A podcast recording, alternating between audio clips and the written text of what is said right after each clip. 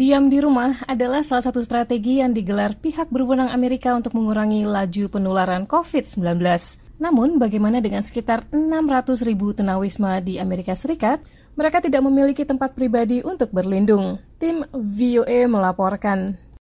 Adikson tidak terlihat seperti tunawisma pada umumnya. Ia berpakaian rapi, berdasi, dan bergerak ke sana-sini di Washington DC dengan mengendarai sepeda untuk mencari kerja. Ia dulunya adalah penyuluh bagi remaja bermasalah, tapi kini ia terpaksa hidup di jalanan setelah mengalami pukulan ekonomi hebat. Saya terpukul secara fisik, psikologi, dan mental terpaksa bolak-balik hanya untuk memperoleh sarapan pagi, makan siang, makan malam, pakaian, dan tempat menginap. Kini terpaksa berada di mana saja, di tempat-tempat yang justru memungkinkan saya tertular.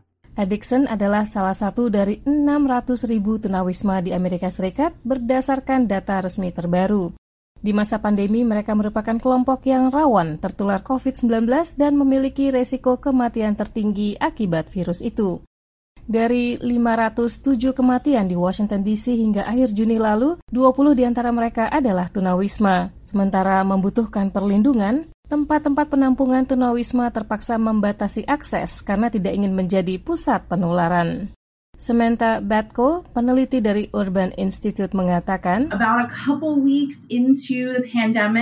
um, beberapa pekan setelah wabah berjangkit, orang-orang menyadari ternyata virus-virus itu menyebar di tempat-tempat penampungan dengan sangat cepat. Apa yang kami lakukan kemudian adalah mengurangi kepadatan tempat-tempat penampungan, memindahkan para tunawisma ke ruang-ruang yang lebih besar. Beberapa kota menyewa arena, sementara yang lain menyewa kamar-kamar hotel. Wabah COVID-19 menyulitkan para tunawisma yang sedang berusaha mencari pekerjaan seperti Michael Williams. Pusat-pusat bantuan pencarian kerja membatasi akses mereka. Antreannya begitu panjang, hanya satu orang diizinkan masuk setiap kalinya. Tanpa ruang yang memadai, ini jelas menyulitkan.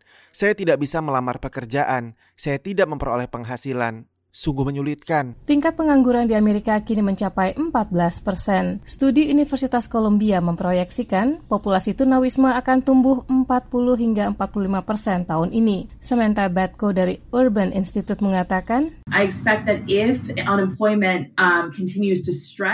jika tingkat pengangguran terus bertahan seperti sekarang ini untuk periode waktu panjang, kita akan mulai melihat semakin banyak orang kesulitan membayar sewa apartemen.